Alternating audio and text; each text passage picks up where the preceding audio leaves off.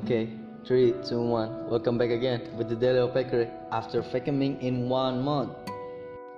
Yo, welcome back again with the Daily Opakery. Setelah satu bulan vakum, terakhir upload konten podcast itu adalah tanggal 2 Mei. Sekarang adalah tanggal 3 Tanggal 3 berapa nih? 3 apa? Bulan apa? Juni. Oke, sekarang udah tinggal tanggal 3 Juni. Today today topics. Ya sesuai judul ya. Insecurity toxic relationship sama solusinya dari pengalaman diri saya sendiri. Insecurity sama toxic relationship itu eh, hal yang lumayan common cukup banyak diperbincangkan di dunia sosial media ya. Dan of course the both of thing itu pernah aku alamin sendiri. Karena insecurity itu yang aku alamin ya dari SMP karena aku, aku tuh pas SMP ya sering dibully lumayan sering dibully lah. Tapi everything yang have been done to me itu semuanya udah dimaafkan. Karena ya untuk apa kita membenci masa lalu dan membenci orang yang pernah lakukan a bad things to us? Itu kalau kita benci terus ya gak guna. Itu mending kita maafkan saja dan it is what it gitu loh. Kayak everything yang udah terjadi ya biarlah terjadi. Tinggal kita tuh menghadapinya gimana gitu. Kalau aku tuh itu tuh menjadi agar jadi dorongan motivasi di mana kalau pasti orang tuh pasti ada komplain dengan kita atau ada iri ada itu ada kalau ada salah something dari kita berarti kita harus ada mengubah itu dong. Dan salah satu insecurities itu adalah uh, tentang penampilan diriku karena yang mereka komplain itu karena aku tuh nggak rapi. Dulu tuh aku kayak don't give a damn about thing gitu loh. Kayak gak peduli aja yang penting ya udah senyaman aku gitu loh ya udah. Dan endingnya itu bakal berubah di kelas 9 di mana udah lumayan rapi gitu loh. Walaupun celana masih gober tapi untuk penampilan di luar sekolah lumayan rapi loh. Masih kayak sadar bahwa ini ini nggak pantas gitu loh. Di mana gimana harus penampilan di umum penampilan secara formal dan lain-lain gitu sampai di situ aku udah motivasi ada workout di mana awalnya badan aku tuh nggak proporsional gitu loh. Ada workout workout lah gitu loh. Sampai dada aku tuh udah bidang dan lain-lain gitu. Udah yang badannya bagus lah walaupun gak bagus bagus amat. Kayak menurut aku itu bagus lah udah uh, accomplished uh, sebuah hmm, uh, sebuah penghargaan lah diriku kayak bahwa kita tuh pernah berjuang dan dari dari dulu sebenarnya aku sadar bahwa aku tuh nggak appreciate the little thing. Kayak nggak pernah mengapresiasi hal-hal yang kecil di mana kayak selalu mengapresiasi hal-hal yang besar. Kayak istilahnya di awal-awal kita kan pasti nggak sadar kita tuh sudah sejauh apa. Tapi pas sudah kita lewatin satu bulan dua bulan atau satu tahun baru kita sadar oh udah sejauh ini loh gitu. Ya, aku itu udah berjuang gitu loh. Dari situ aku baru sadar kenapa kita tuh nggak appreciate the little thing gitu loh dari situ kalau kita udah kebiasaan uh, appreciate the little thing kita tuh nggak terlalu expect gitu loh a bigger uh, bigger thing ya. Karena ya kita selalu appreciate the little thing karena the little things itu menuju ke arah bigger things. Karena istilahnya di suatu peribahasa apa bit yang peribahasa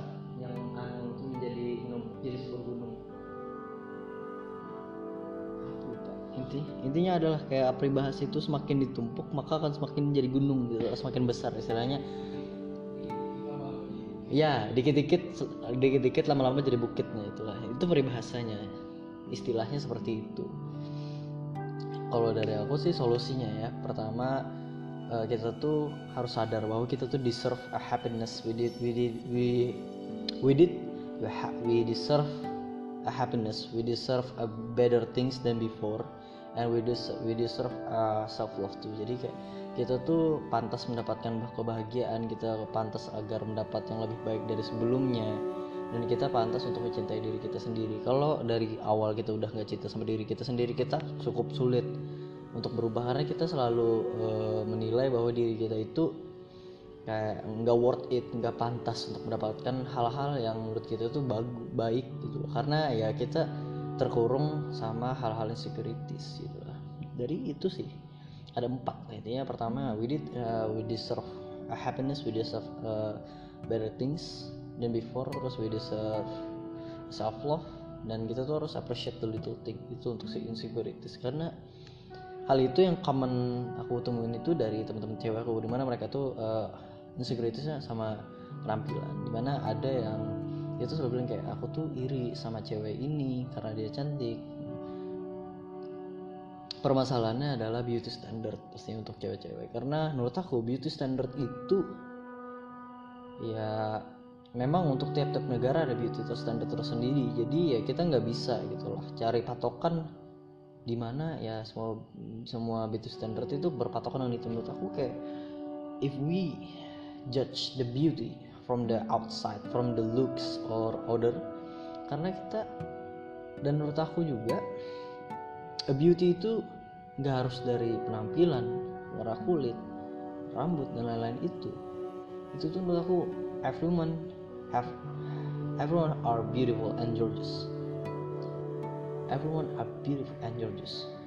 Karena semua perempuan semua cowok itu mereka semua itu sama nggak ada beda. Cuma kita yang gak sadar bahwa kita tuh have a beauty beauty inside and outside too. Aku tuh pernah ngambil uh, kata-kata itu dari teman gue yang curhat.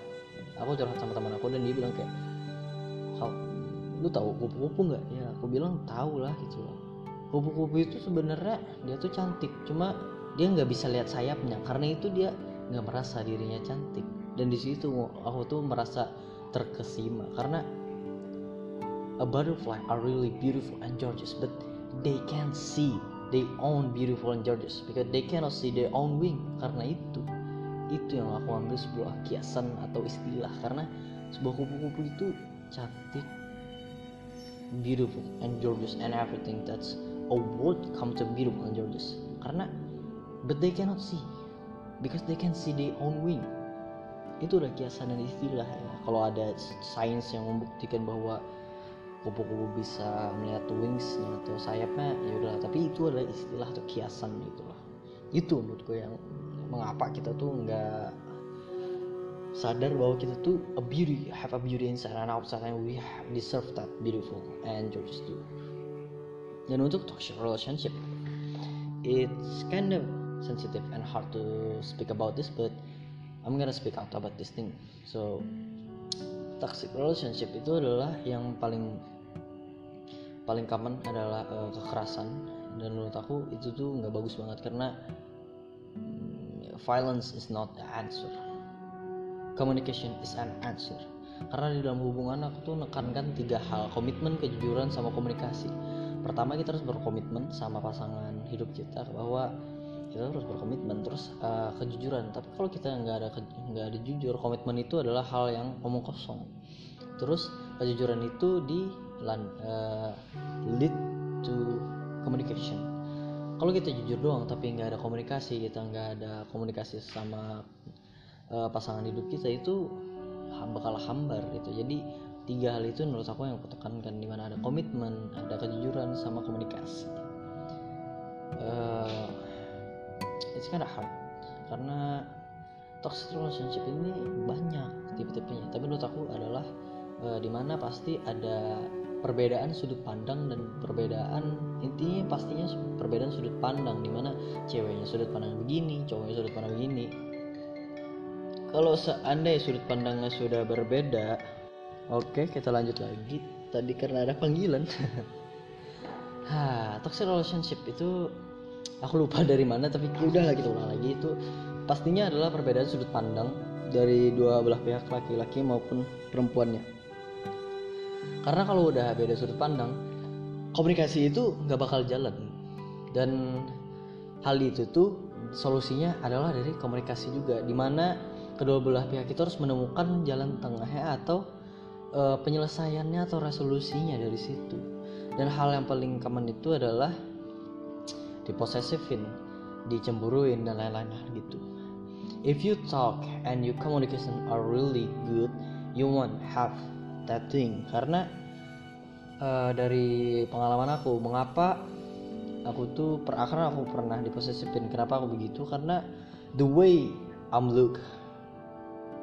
Karena aku tuh uh, of course maybe it's my fault too. Karena aku tuh dekat dengan cewek-cewek. Dan itu tuh maybe in sudut pandang cewek aku itu tuh salah karena ya wajar. It's really common things. Kalau pasangan lu tuh cemburu kalau lu deket sama cewek atau cowok lain gitu loh. Karena itu tuh ya kalian pasti paham lah kenapa gitu loh.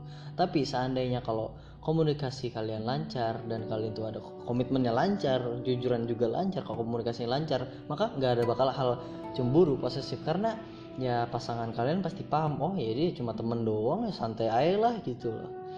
Oh dia ya cuma teman sekolah oh dia ya teman SD dia teman bla kalau komunikasinya lancar jujuran dan bla bla itu lancar nggak ada bakal hal gitu mengapa aku tuh dulu uh, ada pernah disipin karena uh, maybe of course it's my fault. Of course it's my fault. Karena komunikasiku tuh nggak lancar dan aku tuh takut takut jujur. Karena kalau aku tetap cerita sama pasangan aku karena dia bakal tetap kayak merasa takut aku tuh bakal pindah hati after uh, banyak perjuangan yakinin dia. Akhirnya dia kayak yakin dan sekarang udah di intinya dia tuh bilang gini kamu boleh temenan sama cewek lain kamu boleh jalan sama temen cewek kamu lain. Maksudnya dalam artian ya rame-rame gitu loh bukan aku sama cewek berdua doang gitu lah.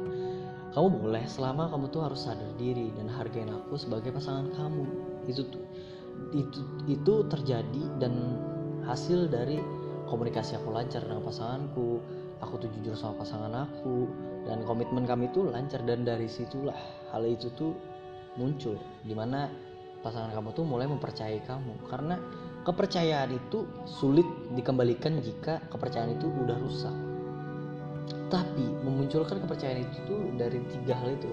Pertama kau komitmen meyakini meyakinkan diri dia. Terus ada kejujuran meyakinkan bahwa ya kamu tuh jujur dan berkata apa adanya dan komunikasi. Jika kamu jujur dan lain-lain dan kamu komitmen tapi tidak ada komunikasi nggak ada bilang nggak ada bilang kayak kamu jalan sama ini jalan sama itu. Intinya begitulah. Intinya hal yang paling keluar dari toxic relationship. Kalau ingin secara cara-cara baik dan ingin tetap bersama pertama ya komitmen terus jujur terus komunikasi dan kepercayaan bakal muncul dan gak ada bakal lagi toxic relationship. Tapi kalau itu udah sampai nyakitin fisik nyakitin mental kalian it's, itu udah nggak healthy banget udah toxic parah. Dan the way you have to do is live. Live from that toxic relationship because that not healthy. Dan yang aku khawatirin adalah mental kalian karena kalian tuh bisa yakinin kalian tuh kuat tapi malah uh, membohongi diri kalian. Dan mental kalian tuh dipaksa sampai dipres sampai tekanan terakhir dan udah nggak bisa lagi. Dan kalian tuh efeknya tuh ke, ke fisik di mana kalian itu udah kayak capek gitu ngadepin itu dan itu tuh udah udah nggak bagus karena dari mental aja kalian bikin capek dan endingnya itu bikin physically kita tuh capek juga gitu. Jadi ada dua cara lah gitu ada yang cara baik-baik dan ada dan ada cara yang bagus juga tapi hard to do. Karena nggak semua dan banyak gitu loh orang-orang yang milih tetap stay walaupun itu sakit gitu loh. Bagaikan memeluk kaktus. Istilahnya gitu. Banyak orang tetap stay dengan toxic relationship karena mereka tetap masih sayang dan berharap pasangan mereka itu bisa berubah gitu loh. Intinya begitu. So that's my topic.